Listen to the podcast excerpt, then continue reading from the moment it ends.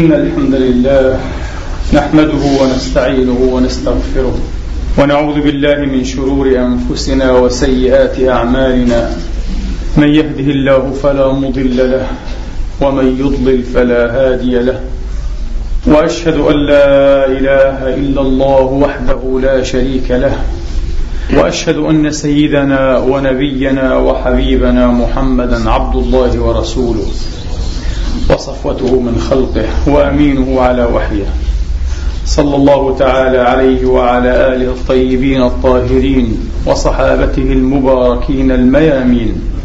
واتباعهم بإحسان إلى يوم الدين وسلم تسليما كثيرا. عباد الله أوصيكم ونفسي الخاطئة بتقوى الله العظيم ولزوم طاعته. كما أحذركم وأحذر نفسي من عصيانه ومخالفة أمره. لقوله سبحانه من قائل من عمل صالحا فلنفسه ومن أساء فعليها وما ربك بظلام للعبيد. ثم أما بعد أيها الإخوة المسلمون الأفاضل أيتها الأخوات المسلمات الفاضلات يقول الله سبحانه وتعالى في كتابه العزيز بعد أن أعوذ بالله من الشيطان الرجيم. بسم الله الرحمن الرحيم. قل أطيعوا الله وأطيعوا الرسول.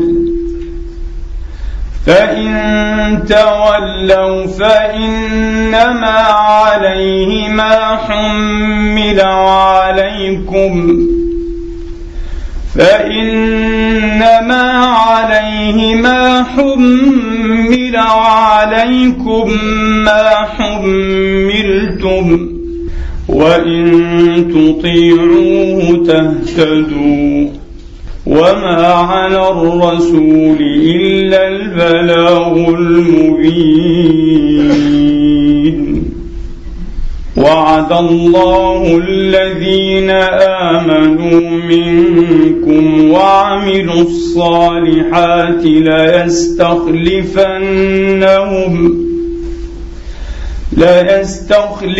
ليستخلفنهم في الأرض كما استخلف الذين من قبلهم وليمكنن لهم دينهم الذي ارتضى لهم وليبدلنهم وليبدلنهم من بعد خوفهم أمنا. يعبدونني لا يشركون بي شيئا. ومن كفر بعد ذلك فأولئك هم الفاسقون.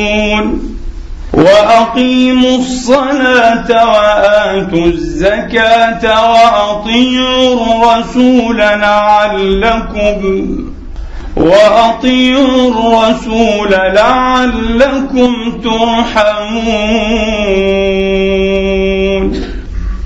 لا تحسبن الذين كفروا معجزين في الأرض ومأواهم النار ولبئس المصير.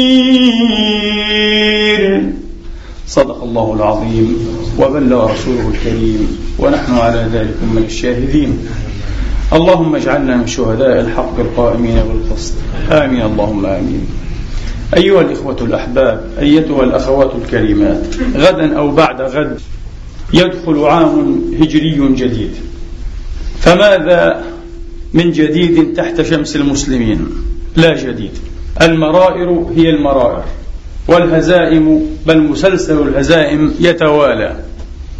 مشاكلهم جرحهم النازف قضاياهم تناقضاتهم هي هي. هكذا تقول الوقائع وهكذا تشهد الأحداث اليومية. وبنا أيها الإخوة الأفاضل أيتها الأخوات الفاضلات في مثل هذا المقام مع هذه المناسبة. المناسبة وحسب. لا أقول الكريمة ولا غير ذلك. في مثل هذه المناسبة بنا أن نلقي نظرة غير تقليدية. التقليدي أن نتحدث في مثل هذه المناسبات حديثا مناسباتيا عن الهجرة وأحداثها وكوائنها الأمر أيها الإخوة المملول المدروس المكروه المعاد الذي سمعناه ألف مرة الذي يعرفه صبيان وأطفال الكتاتيب. كيف هري الرسول؟ وكيف اختبأ بالغار؟ وكيف جاءت الحمامة؟ وكيف جاء العنكبوت؟ إلى آخر القصة المعروفة. ويا ليتنا نستطيع أن نعيد تشكيل هذه القصة أيها الإخوة. قصة أستغفر الله. هذا الحدث التاريخي الهائل العظيم بما يمكننا ويجعلنا مقتدرين مستطيعين أن نلقي أضواء منيرة كاشفة على واقعنا القتيم على واقعنا المر القابض. يا ليتنا. ولكن نشكو إلى الله أيها الإخوة مسلكا وعظيا في فهم النص وفي فهم الحياة والوقائع أيها الإخوة الأحباب البداية ستكون مع نقد الذات مع نقد النفس. تعلمون أن الأفراد كما الجماعات أوتوا استعدادا كبيرا واستعدادا راسخا لنقد الآخر لتصنيف الآخرين لتشريح الآخرين. لكن على مستوى الأفراد كما الجماعات قليلون وقليلة هي الجماعات والأمم التي تقف موقف النقد من ذاتها. بإزاء الذات أيها الإخوة. ولقد ضرب لنا الكتاب العزيز أنموذجين موحيين في هذا الباب. إنهما آدم عليه الصلاة وأفضل السلام وإبليس عليه اللعائن المتتابعة إلى يوم الدين. آدم أيها الإخوة والأخوات أنموذج ملهم وموح لنقد الذات للاعتراف بالتجاوز للاعتراف بخطأ المسلك وإن لم يكن القصد خاطئا. ولم نجد له عزمة وإن لم يكن القصد خاطئا وهذا ما يقع أيضا مع الأفراد كما يقع مع الأمم والشعوب والجماعات.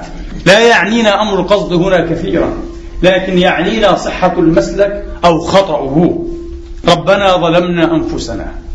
النقد الذاتي أيها الإخوة أو نقد الذات؟ مصطلح مجلوب. مصطلح مستحدث مجلوب من الآخرين وهو التعبير المعادل تماما لمصطلح التوبة.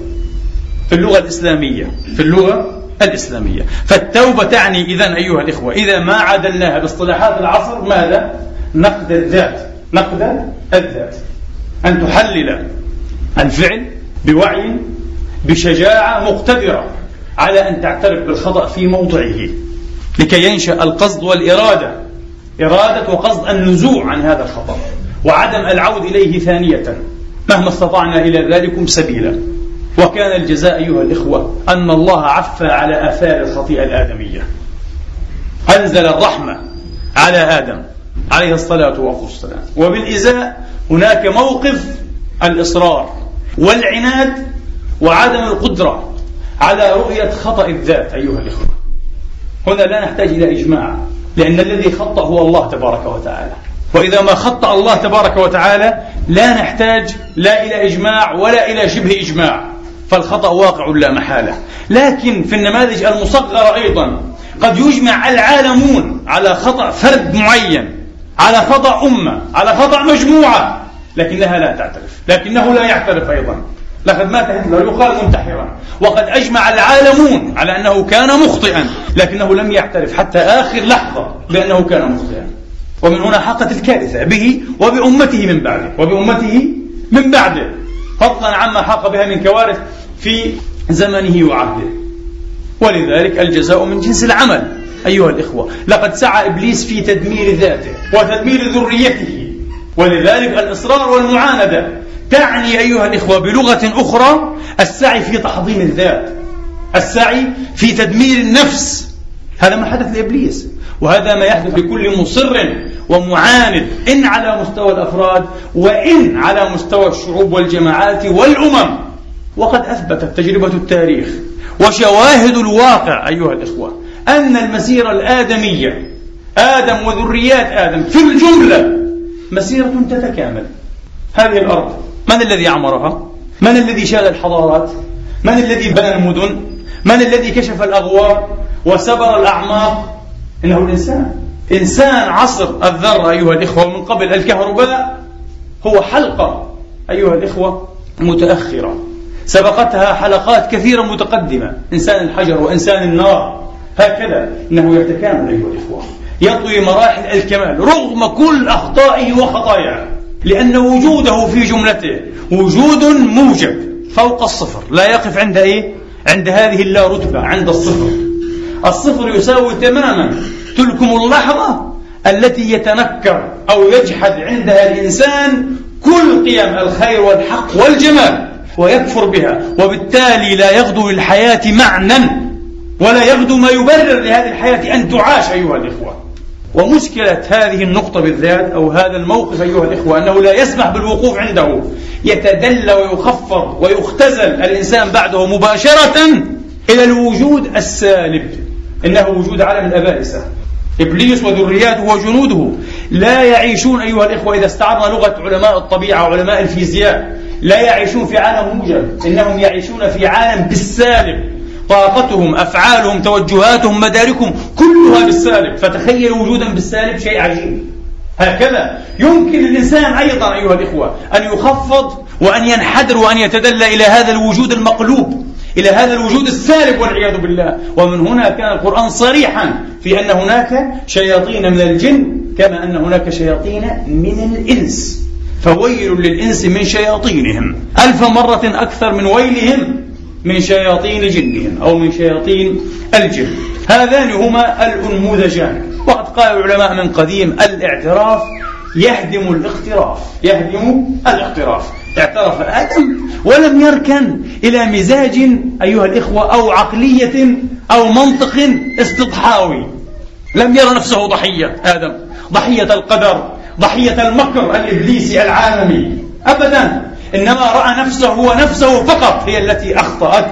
وهذا ما يصر عليه القرآن الكريم دوما ويؤكده. بمثل أيضا هذا التكليف وهذا التركيز. قل هو من عند أنفسكم. وخلونا واتركونا من قضية المؤامرات العالمية والكونية.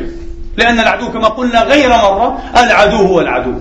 ولا يرومك ولا يريدك إلا عنة وخبالة هذا هو العدو. أتحاسب العدو بمنطق الصديق؟ هذا نوع من هذيان من الهوس. ولكن قل هو من عند أنفسكم. أما بالإزاء أيها الإخوة فقد وقف إبليس متسلحا. ويا له من سلاح مفلول. يا له من سلاح مفلول. خاسر خائف في كل معركة. صغيرة كانت أو كبيرة. وقف متسلحا بمنطق استضحاوي قال بما أغويتني. إذا لابد أن يلقي باللائمة على رب العالمين هنا. نحن الآن ممكن أن نلقي باللائمة ننحى باللائمة على العالمين أجمعين. لكن نحن مبرؤون.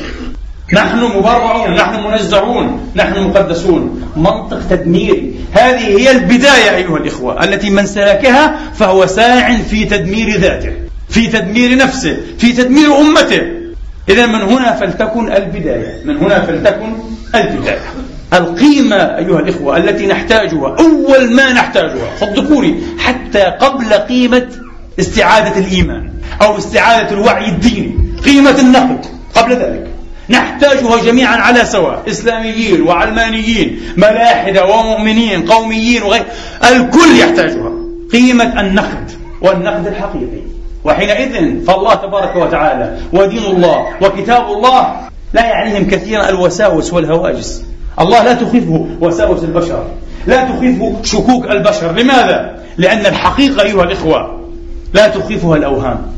ونحن ما دمنا معتقدين أننا ندين دين الحق بحمد الله وبفضله ومنته تبارك وتعالى ونعبد هذا الرب الحق الوجود الحق سبحانه وتعالى. لا يعنينا بالعكس النقد سيكون في صفنا إلى جانبنا في جبهتنا دوما وعلى طول الخط.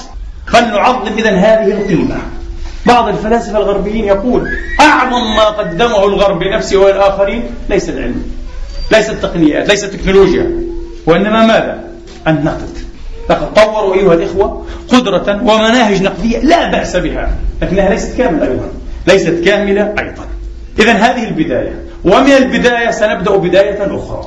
فهذه البداية الحقيقية والبداية الأخرى إضافية كما يقول علماء المنطق. البداية الإضافية البداية النسبية. ستكون أيها الإخوة سؤالا نحاول الجواب عنه. ماذا فعلنا بأنفسنا؟ ماذا فعلنا بأنفسنا؟ ماذا قدمنا لأنفسنا؟ ماذا قدمنا للآخرين؟ كيف وظفنا هذا الدين؟ كيف فهمناه؟ نحن نتحدث عن عام هجري جديد ومعنى ذلك أننا نتحدث عن العام الخامس والعشرين بعد المئة الرابعة من بعد الألف الأولى من تاريخ دين وملة. من تاريخ دين وأمة. فماذا فعلنا؟ وسأنطلق أيضا في الجواب عن هذا السؤال الكبير الصغير من مقارنة سريعة عجلة. ماذا فعل أسلافنا الذين أدمنا استحضارهم. أستحضرهم بإدمان أيها الإخوة. خير ما يفعله أكثر الواعظين منا أن يستحضروا الأسلاف. صحيح؟ أن يستحضروا الأسلاف العظام بدءا من الراشدين وانتهاء بالأئمة والمجددين والقادة المصلحين. لقد أدمنا ذلك. وبين قوسين أفتحهما. أسجل أيها الإخوة تعليقا. بمقدار ما ندمن استحضار الأسلاف بطريقة مبالغ فيها بطريقة زائدة عن اللزوم كما يقال. بمقدار ما نؤكد ماذا؟ ما نؤكد غيابنا نحن. صحيح؟ لأننا غائبون بذلك القدر فنحن محتاجون أن نبالغ في استحضار الذين كانوا. أما الذين هم كائنون فغير موجودين. أليس كذلك؟ هذه هي المسألة. إن هناك آية مفتاحية في نظري. أيضا من الآيات التي أدمنا الاستشهاد بها واستدعاءها. تلك أمة قد خلت. لها ما كسبت ولكم ما كسبتم. ولا تسألون عما كانوا يعملون. هذه مفتاحية سمعناها آلاف المرات أيها الإخوة. ونسمعها ولا نزال. هذه الآية اختزلها الوعي المسلم أيضا. وخفضها. لقد خصصها. آية عامة لها معنى عام كبير جدا لكنه أخذ جزءا أيها الإخوة مشوها. تحت تأثير ماذا؟ تحت تأثير نزاعات موقوتة مرحلية تاريخية وقعت للأصحاب الكرام. النزاعات التي قتل فيها عشرات الآلاف من الصحابة. في صفين وحدها قتل سبعون ألفا وصفين لا تزال رحاها دائرة. أزعم أن صفين لم تنتهي. صفين إلى اليوم هي صفين. وندفع ثمنها هاما وجماجم وجثثا ودماء وأوهاما زائفة وعقائد منكوسة تمشي على رؤوسها. ومن مشى على رأسه لم ينفعه لا رأسه وفقد رجليه أيضا. هذا ما نفعله بطريقة أو أخرى. على كل حال خفضها الوعي المسلم كما قلت تحت تأثير هذه النزاعات التاريخية. تفهمون ماذا لأنكم جميعا تفهمون كيف نفهم وكيف تفهمون تلك أمة قد خلت. كلنا نستخدم الآية في إطار خاص ومبتكر ومخفض لكن السياق القرآني يعود إليه. واضح وبسيط وصريح أيها الإخوة. السياق القرآني أتى بهذه الآية تدييلا وتعقيبا على ذكر جملة طائلة من الأنبياء الإبراهيميين من سلالة إبراهيم. ذكر إبراهيم وإسماعيل وإسحاق ويعقوب وذرياتهم. سلالة من أكثر السلالات قدسية وطهارة في تاريخ النبوات والرسالات. إنها سلالة أبي الأنبياء وشيخهم خليل الرحمن عليه الصلاة وأفضل السلام موقع إجماع الأديان والملل السماوية التوحيدية.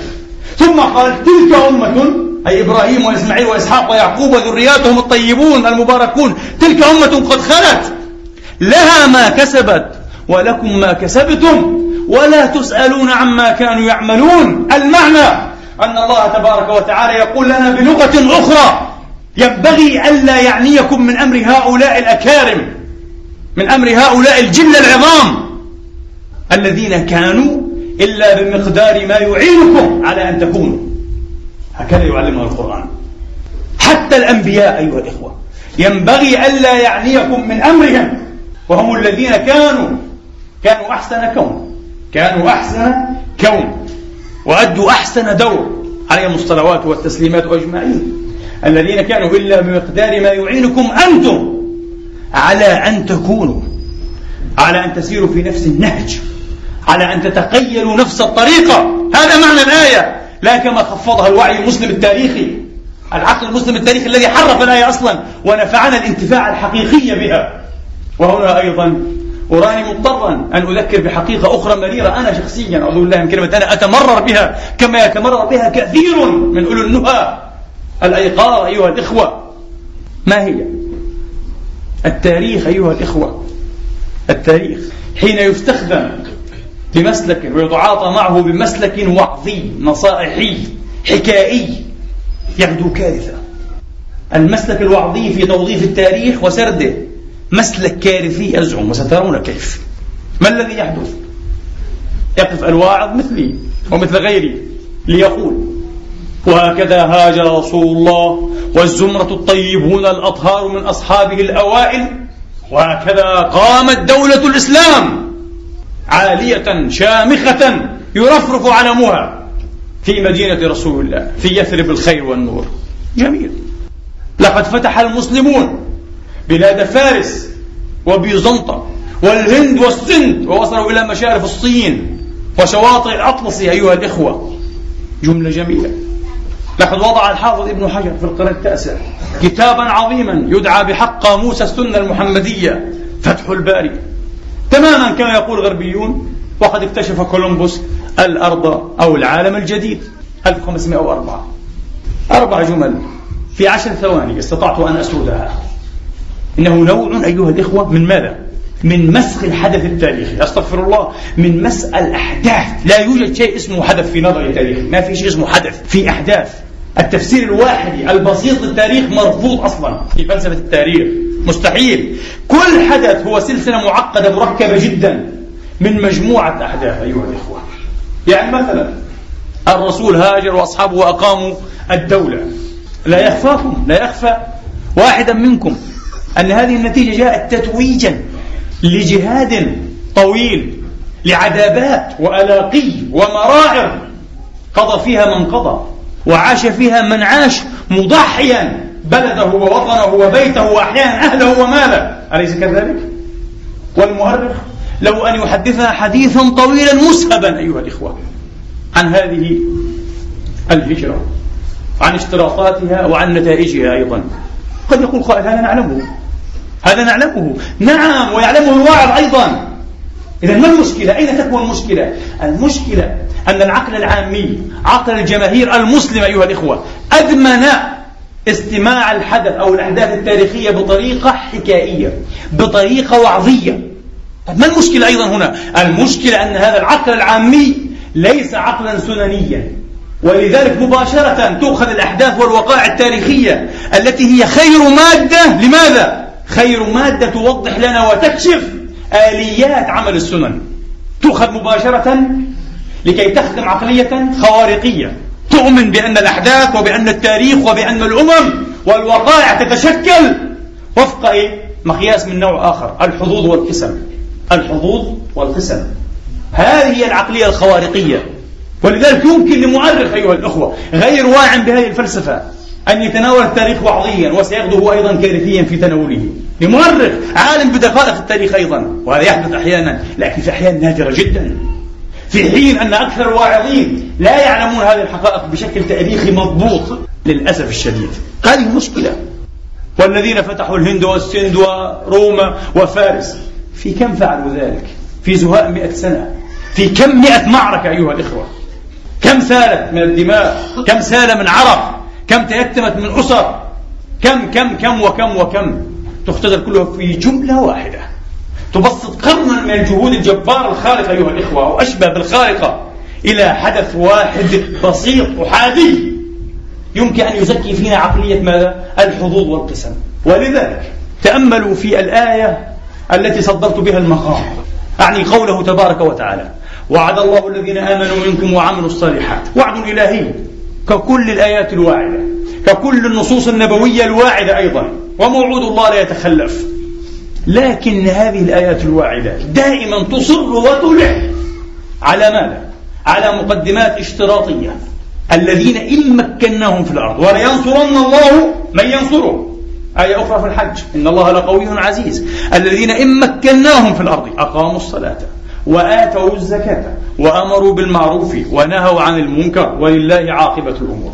هنا يقول تبارك وتعالى نفس الشيء يعبدونني. اشتراطات. لا يشركون بي شيئا. هكذا. ثم ذكر الصلاة والزكاة أيضا بعقبها. جميل.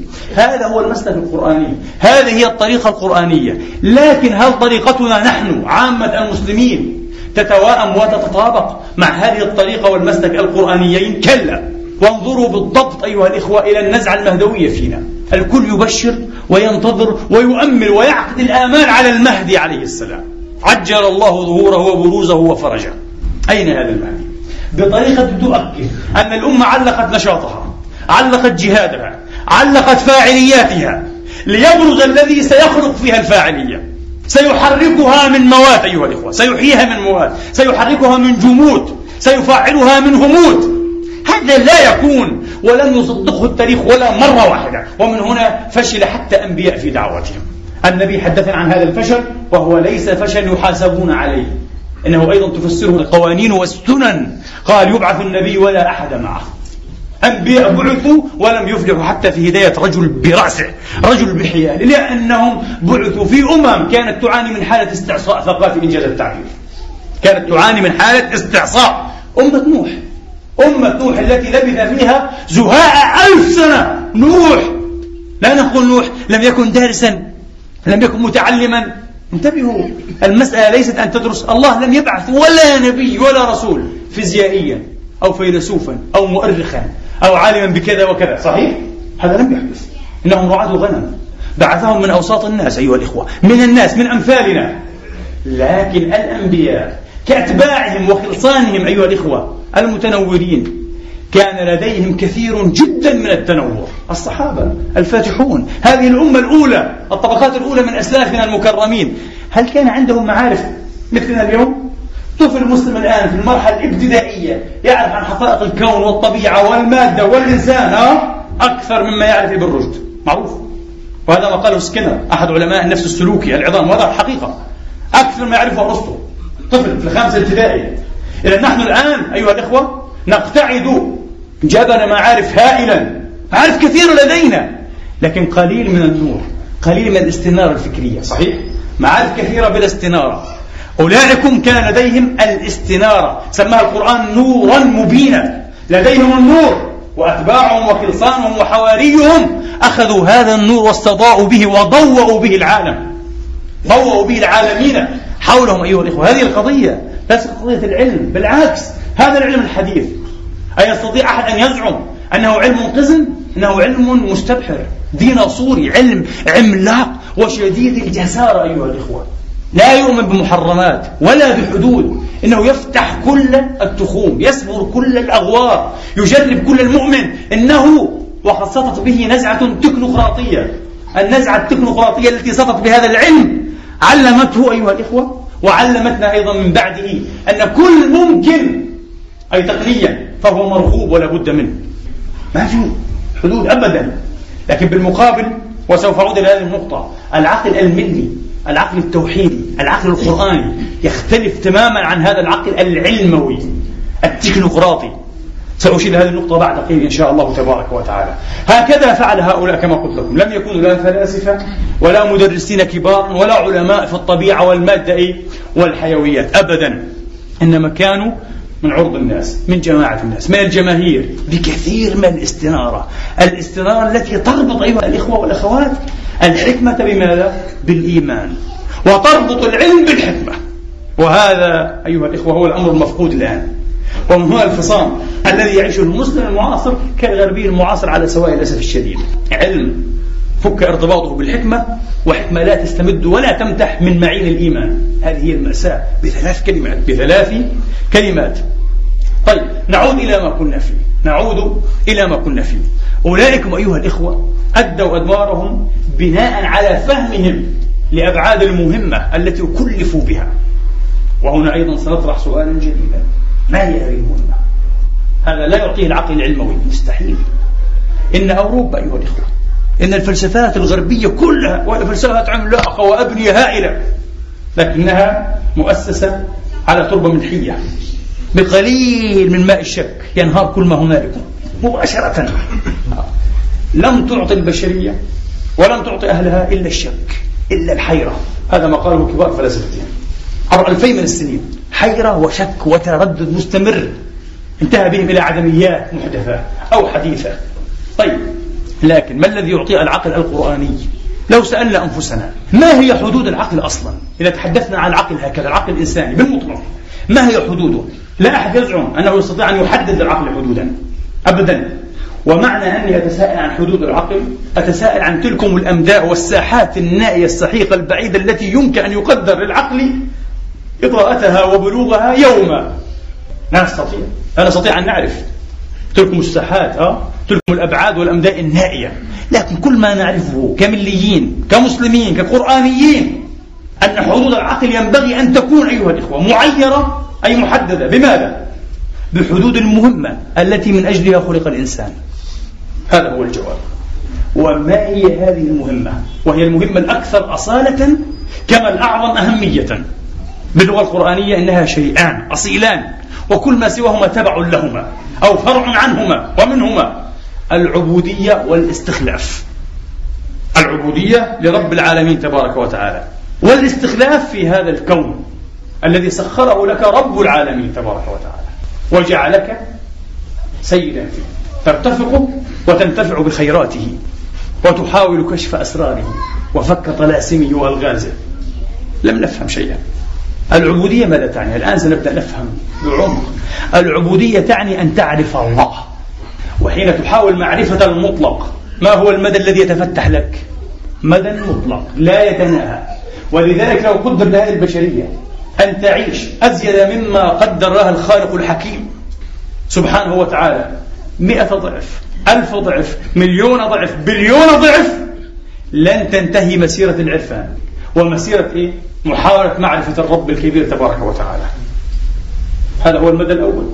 والمدى الثاني الاستخلاف.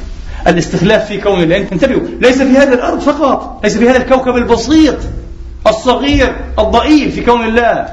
الاستخلاف في كون الله. باللغة القرآنية سخر لكم ما في السماوات وما في الأرض جميعا. منه. كله. ليس الأرض فقط. كل الكون مسخر للإنسان. فرق طبعا أيها الإخوة بين أن الكون مسخر للإنسان وبين أن يعتقد الإنسان أنه مالك الكون. أنت لست مالك الكون. مالك الكون هو الله. لله ملك السماوات والأرض وما فيهن. ملك السماوات والأرض لله. لكن أنت سيد في هذا الكون ولست مالكا. سيد مسلط عليه. وضع فيك استعداد وقابلية ومكنة أن تصبره وأن تفهمه وأن ترتفق الله يريد منك ذلك.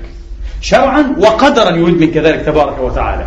لكنك لست مسلطا فيه بإطلاق. أنت مسلط فيه وعليه وفق الخطة الإلهية. لو أخذنا جانبا بسيطا أيها الإخوة. تحدثنا على جبهة بسيطة جدا جدا. جبهة المال والمنافع الشخصية. القانون الروماني. القانون الروماني الوسيط. حدد النظرية بإزاء هذه الممتلكات الشخصية على أنها كلمتان أيها الإخوة. ما هما؟ انتفاع انتفاع واستمتاع بلا حدود. لك الحق أن تفعل ما تشاء. تنتفع كما تشاء وتستمتع كما شاء. مستحيل. الموقف القرآني يتناقض مع هذا. لأنك مستخلف في هذا المال. كما أنك مستخلف في هذا الوجود. وعليك أن تتبع معالم إيه؟ خطة إلهية رشيدة في التعامل مع هذا الوجود. إن فاوست أيها الإخوة وأسطورته التي كتب فيها أكثر من ستة من كبار أدباء أوروبا وفلاسفتهم. إن فاوست يصرخ قبل ديكارت بمئة سنة على اللسان الذي أبدعه هكذا. يصرخ ها أنت أيها الإنسان بعقلك المقتدر قد أصبحت أستغفر الله إلها وسيدا مالكا لكل ما في الوجود. هل هذه حقيقة؟ وماذا أورثهم هذا المنطق؟ سنرى بعد قليل. ويأتي من بعده رينيه ديكارت الرياضي الفيلسوف أبو الفلسفة الحديثة لكي يقول مستعلنا أيضا إن الإنسان هو سيد هذا الكون والمتصرف فيه لأنه مالك له بإطلاق. هذا إلحاد إلحاد. أوردهم ماذا؟ المشاكسة الدائمة مع هذه الطبيعة ومع هذا الكون. وابتدت الطبيعة تدافع عن نفسها كما يقال. وسقط الإنسان جثى على ركبتيه محطما عاجزا يائسا. ولا يستطيع أن يرى بصيص النور بصيص الخلاص. ومن هنا انتبهوا انتبهوا. ما شرحته وللعجب بعد أن توصلت إلى هذه الفكرة البسيطة بكل تواضع وجدت فيلسوفا كبيرا وهو العاقل المسلم والعاقل الإسلامي جارودي لخصه بكلمة عجيبة جدا. دون أن نفهم ما ذكر من الصعب أن نفهم ماذا يريد بهذه الكلمة لأنه فيلسوف متعود على تركيز الأفكار أيها الإخوة وتكثيفها. قال بكلمة واحدة الإيمان عندي هو عقل بلا حدود. ما معنى أن يكون الإيمان عقلا بلا حدود؟ ما ذكرته لكم بالضبط. لأن الإيمان يركز على معنيين. هما المهمة الأكثر أصالة وأهمية. العبودية والاستخلاف. عبودية لله واستخلاف بتفويض من الله تبارك بتكليف من الله تبارك وتعالى. وتشريف في نفس الوقت. العبودية والاستخلاف. كلاهما يفتحان للإنسان أمداء لا تتناهى للمعرفة والتكامل باستمرار أيها الإخوة. وهذا ما حدث. أسلافنا الصالحون أيها الإخوة يبدو أنهم فهموا هذه الرسالة. وأدركوا حدود المهمة الملقاة على عواتقهم والتي عليهم أن يتجشموها بكل رجولة بكل بطولة. إنها البطولة الفكرية البطولة الحضارية ليست بطولة العضل فقط والسيف. هذه أنا أقول بطولة لكنها أقل البطولات. بطولة الفكر والوعي والعقل أعظم البطولات وهي سر نهضة وقوة الأمم وسر بقاء الأمم أيها الإخوة. أدركوا ذلك تماما ولذلك هم في عقود بسيطة من السنين. ماذا فعلوا؟ نحن دائما اعتدنا أن نقول فتحوا البلدان. ليس هذا فقط. لقد أنشأوا الحضارة شادوا حضارة البدو أبناء الصحراء الذين كانوا يأكلون العلهز يأكلون الجلد المخلوط بالدماء أيها الإخوة في أوقات السنة الجديدة شادوا حضارة من أعظم الحضارات. وكتبوا في فترة وجيزة باللسان العربي وحده في سائر العلوم والفنون أكثر مما كتب على حد نقل المستغرب العربي فيليب حتي يقول أكثر مما كتب بجميع اللغات في كل هذه الفنون من قبل. معجزة. إنها معجزة الإنسان المسلم كيف تسنى له أن يفعل ذلك؟ لأنه فهم دينه وقرآنه تناغم مع محمده مع رسوله على غير ما فعلنا نحن تماما. صدقوني تماما على غير ما نفعل. على غير ما نفعل تماما. استطاع ذلك. أيها الإخوة ليس بضربة حظ حظ إنما بقوانين وسنن احترمها أيها الإخوة وقدرها حق قدرها. أما نحن فلا زلنا مصرين على أن نفكر بطريقة أخرى. وما لم نتب عن هذه الخطيئة. وعلى فكرة النقد الذاتي والتوبة لا تطلب من الأفراد. القرآن يعلمنا أيضا ضمن ما يعلمنا وهو لا يتناهى. هذا المضمن لا يتناهى. يعلمنا أن على الجماعات أيضا أن تستعلم بتوبتها. قال تبارك وتعالى وتوبوا إلى الله جميعا. أيها المؤمنون لعلكم تفلحون. قال الرغب في مفرداته. أجمع وجميع وأجمعون. تستخدم للتلاقي والاجتماع على أمر ما. أن يفعله مجموعة. الله يقول توبوا جميعا. يمكن نعم أن نفهمها وهذا واضح لكل يعني ليتوب كل واحد.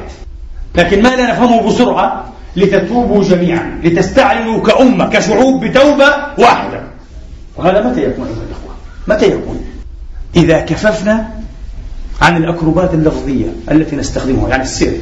فعل الحوار. الأكروبات البيانية. يأتي رجل بائس مثلي يرتقي درج المنبر أيها الإخوة. بخطبة واحدة. يغرق إسرائيل في البحر. يدمر أمريكا. يلغيها من الواقع والتاريخ. صحيح؟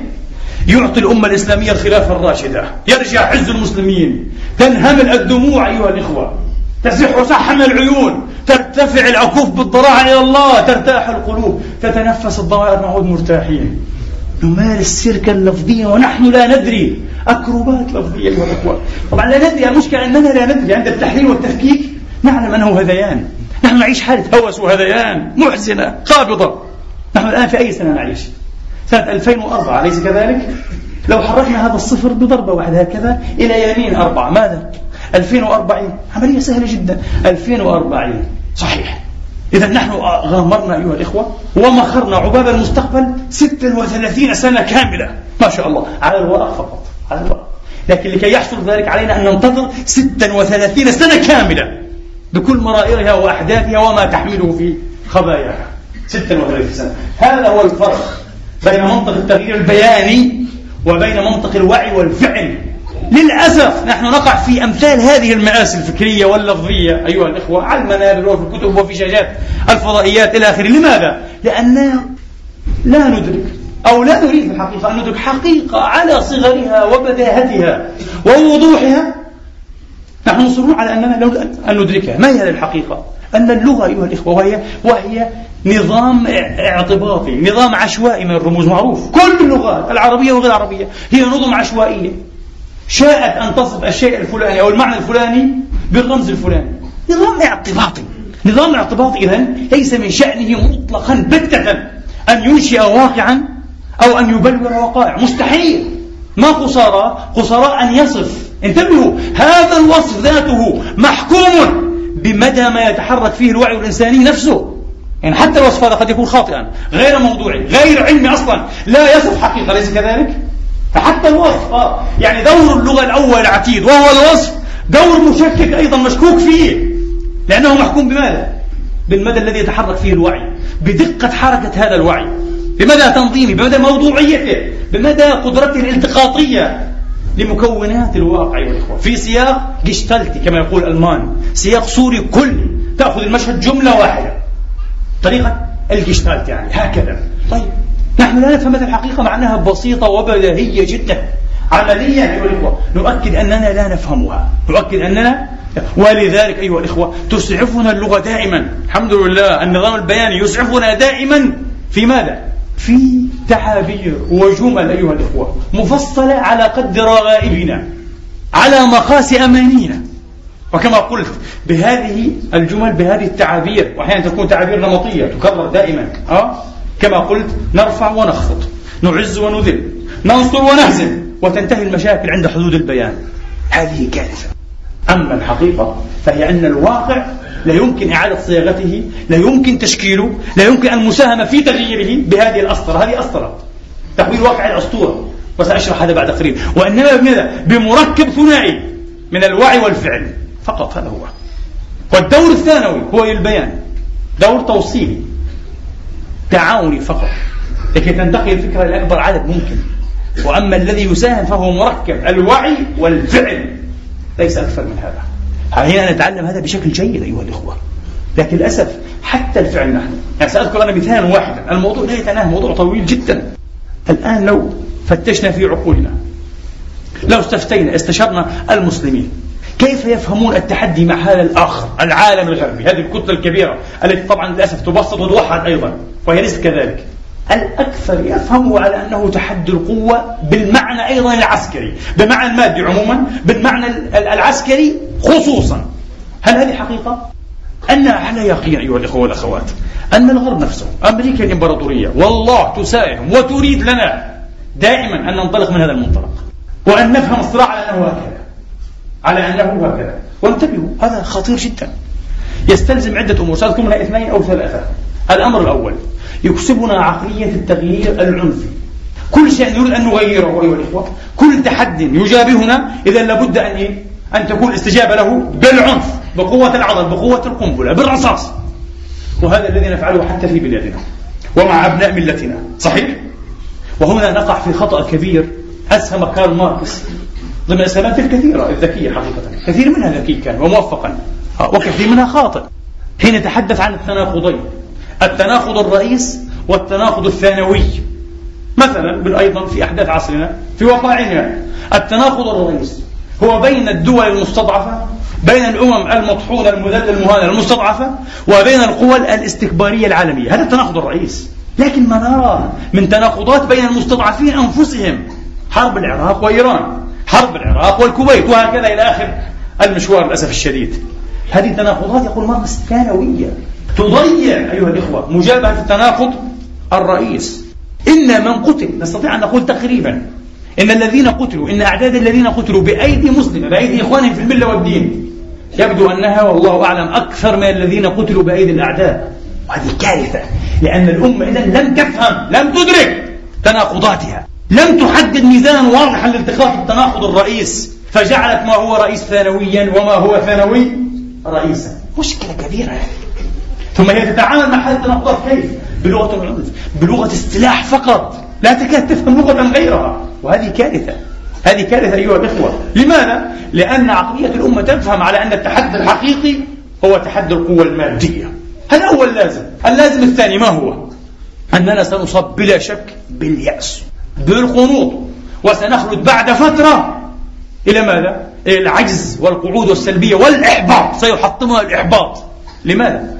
لأنك في المدى المنظور على الأقل من سابع أو ثامن المستحيلات أن تلحق هذه الدناصير في ميدان القوة العسكرية مستحيل أنت بالذات أيها المسلم الآن في هذا القرن مستحيل هذا من ثامن المستحيلات واحد يقول لماذا؟ لماذا تعجزنا أنت؟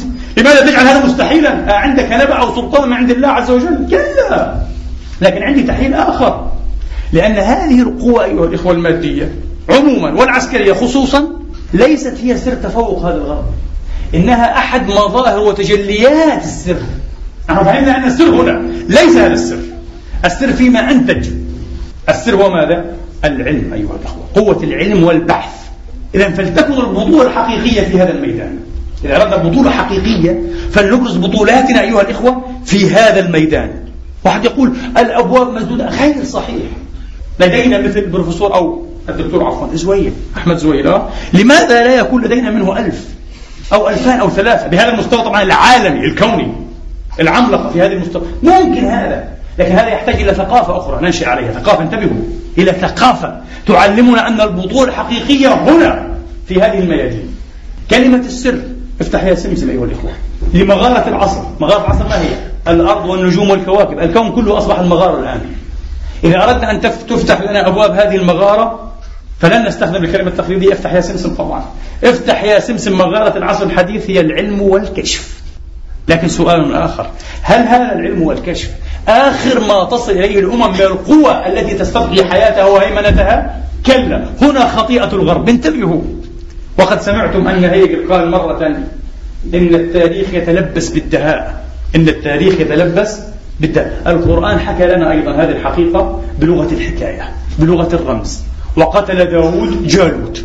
القوة العسكرية الديناصورية العظيمة المخيفة التي أخلفت جيشا بكامله قضى عليها مقلاع بحجر. انتهى كل شيء. إذا الذين يفهمون أيها الإخوة نيذرلاند الأراضي الواطئة هولندا الذي أنقذها أيها الإخوة من غرق محتم أصبع غضة طرية أصبع طفل بطل سخره القدر لكي يضع أصبعه أيها الإخوة في فتحة بسيطة كان يتسرب منها الماء. فأبقى على المدينة أياما. لكن القدر يسخر منا أيضا. إنجاز التعبير. فجاء طفل آخر سحب جثته وغرقت المدينة في المياه. هكذا. سد مأرب. كيف تداعى أيها الإخوة؟ وكيف غرقت الحضارة؟ مجموعة من الفئران. هكذا يقول التاريخ. فرعون مصر. ربهم الأعلى. كيف انتهى؟ بالطفل الذي أراد موته. ورباه القدر في حجره. صبيا رضيعا. لكي تكون نهايته عليه شابا أيها الإخوة. هذا هو الدهاء الذي يتلبس به التاريخ. الذي يتلبس به التاريخ. الذين يفهمون دهاء التاريخ على هذا النحو القرآني أيها الإخوة والفلسفي لن يصابوا بالإحباط والعجز أن القوى المستكبرة العالمية قد تكون نهايته أقرب بكثير مما يظن.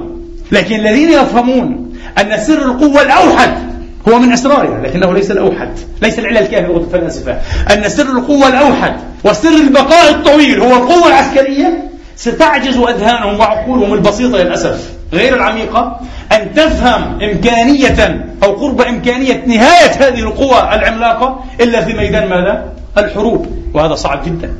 وهذا صعب جدا. إذا فلتختلف طريقة التفكير. لكم دينكم ولي دين ما هو الدين؟ كل ما ترضاه لكي تعيش به وتنطلق به في الحياة هو دينك. صحيح؟ إذا حتى الكفار لهم أديان. كل بشر له دين. حتى الذين أنكروا الدين لهم دين. بلا شك. من إلحادهم من كفرهم من شكلهم. لكم دينكم ولي دين وفي كل دين عدا دين التوحيد أصنام. في دين التوحيد رب واحد بدونه يغدو العالم فوضى كل العالم. وأما الأديان الأخرى ففيها أصنام. ما هو الصنم؟ مركب من علم وجهل. كل صنم. شرحوا كل الأصنام. أصنام الأشخاص. الشيخ ها؟ المسلك الزعيم القائد أيها الإخوة. وهكذا أصنام المعاني. الشهوة المركز الجاه السلطة أصنام الأشياء المال إلى آخره. كل الأصنام على اختلاف طيوفها وألوانها هي أيضا مركب من علم وجهل. علم أيها الإخوة بالخصائص بالمزايا بالإيجابيات وجهل تام بالمثالث بالنقائص أيها الإخوة. ومن هنا فهذا العلم بالكمال هو علم بكمال زائف. هو الذي يبرر أو يصوغ الصنمية في شيء أو في شخص أو في معنى. في شيء أو في شخص أو في معنى. فللأسف يبدو أن هناك أديانا كثيرة وأن هناك أصناما متعددة. لا بد من تحطيم كل الأصنام ولا بد من تزييف كل الأديان. إلا دين الحق إلا دين التوحيد الذي يفتح كما قلنا الأمداء اللامتناهية لتكامل الإنسان لكي يطوي آخر وليس هناك آخر مراحل السير المتاحة له في عمره القصير. فردا وجماعة بشرية أيها الإخوة في مجموعها نحو الكمال الحقيقي. والله تبارك وتعالى يقول الحق وهو يهدي السبيل. أقول قولي هذا وأستغفر الله لي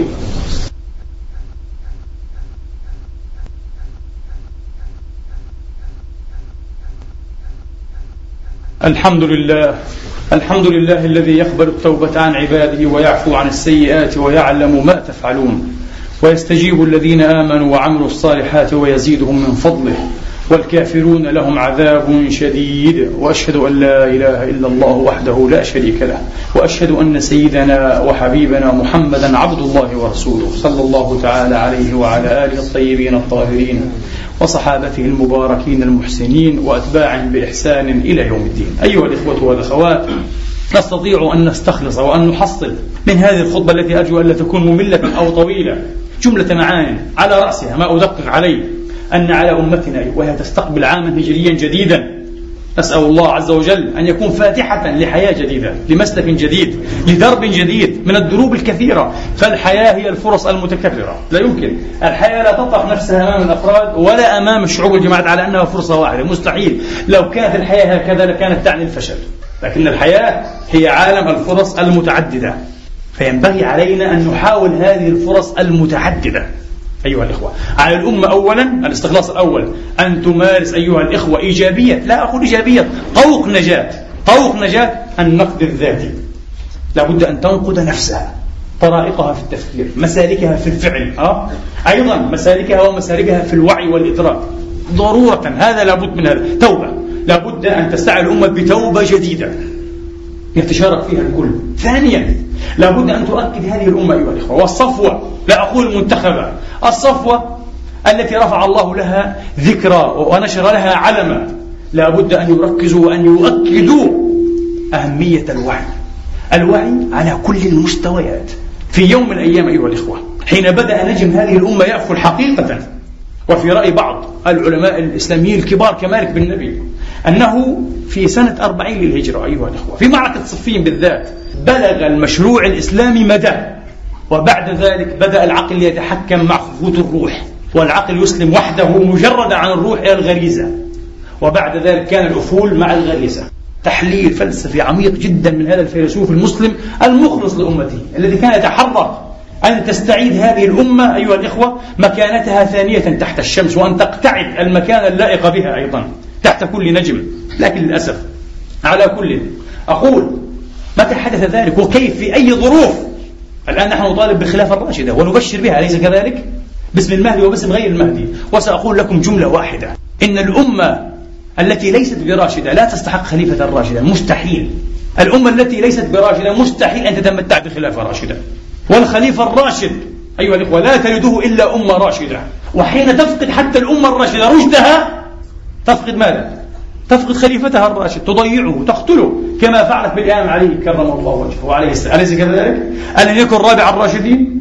هذا الخليفة الراشد قتلته الأمة لأنها كانت فاقدة لرشدها لا تستحقه هي لا تستحقه لذلك فقدته ليأتيها بعد ذلك معاوية وأحفاد معاوية معاوية الذي راهن على الوعي المنزوف للأمة وكان يعلم أنه يراهن الرهان الصحيح وقال لعلي لآتينك بمن لا يفرق بين الناقة والجمل أنا أحاربك يا علي بمن لا يفرق بين الناقة والجمل. هؤلاء الذين حدثنا تاريخ الطبري وغيره أنهم كانوا يقسمون بالله في فترة بين العباس أنهم لم يكونوا يعلمون أهلا لرسول الله أهل بيت إلا معاوية وأهله.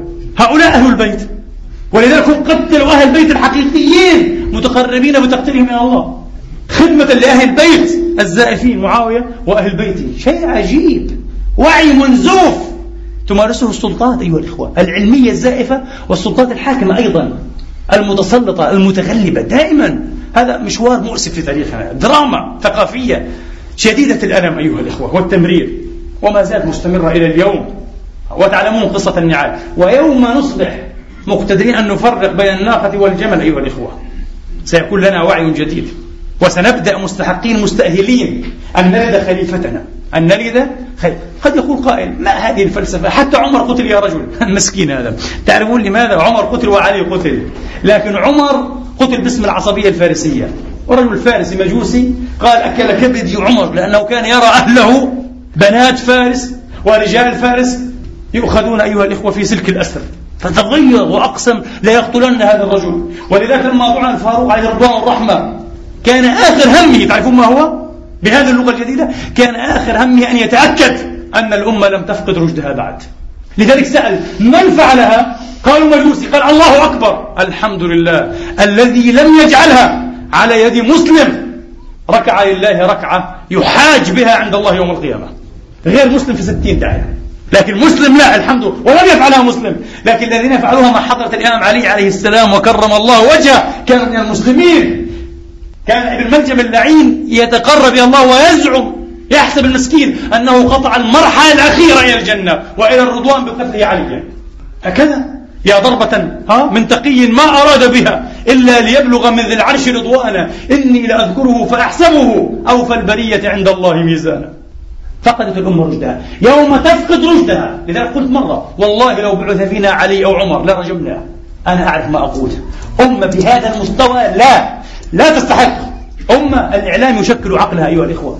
للأسف نرى من الوقائع أن أمتنا والله لو بعث جحا أو أمثال جحا المساخر والمهازل من قبره ويصدره الإعلام لنا على أنه مصلح اتبعناه على أنه مصلح إلا قليلا. مشكلة. لقد صدق علينا المستكبرون ظنهم فاتبعناهم إلا قليلين منا. فنحتاج إلى وعي حقيقي. هذا الوعي الحقيقي ينبغي أيها الإخوة أن يكون أعلى وأعمق وأبعد. من الأكروبات اللفظية. التي نمارسها كوعاظ كخطباء كصحفيين. ينبغي أن نتعمق حقيقة أيها الإخوة. مشاكلنا وواقعنا ودرس تاريخنا. حتى لا نعيد المأساة. إن من يجهل التاريخ يجازف بإعادته دوما. حتى يدركه. اللهم إنا نسألك أن تفتح علينا بالحق وأنت خير الفاتحين. اللهم إنا نسألك في مقامنا هذا أن تزيدنا ولا تنقصنا. اللهم أعطنا ولا تحرمنا وأكرمنا ولا تهنا. اللهم انصرنا ولا تنصر علينا. اللهم عد بنا إليك عودا حميدا وخذ بأيدينا أخذا جميلا يا رب العالمين. اللهم إنا نسألك ونبتهل إليك أن تنصر إخواننا المسلمين الموحدين في أقاصي الأرض وأدانيها اللهم انصرهم على من عاداهم. اللهم كن لهم في كل أمرهم بالخير والرشاد والتسديد. إلهنا ومولانا رب العالمين. اللهم إنا نسألك أن تجعل تجمعنا هذا تجمعا مرحوما وتفرقنا من بعده تفرقا معصوما. اللهم لا تدع فينا شقيا ولا مطرودا ولا يائسا ولا محروما. بفضلك ورحمتك يا أرحم الراحمين. إلهنا ومولانا رب العالمين. عباد الله إن الله يأمر بالعدل والإحسان وإيتاء ذي القربى وينهى عن الفحشاء والمنكر والبغي. يعظكم لعلكم تذكرون. اذكروا الله العظيم يذكركم واشكروه يزدكم وسلوه يعطكم وقوموا إلى صلاتكم. يرحمني ويرحمكم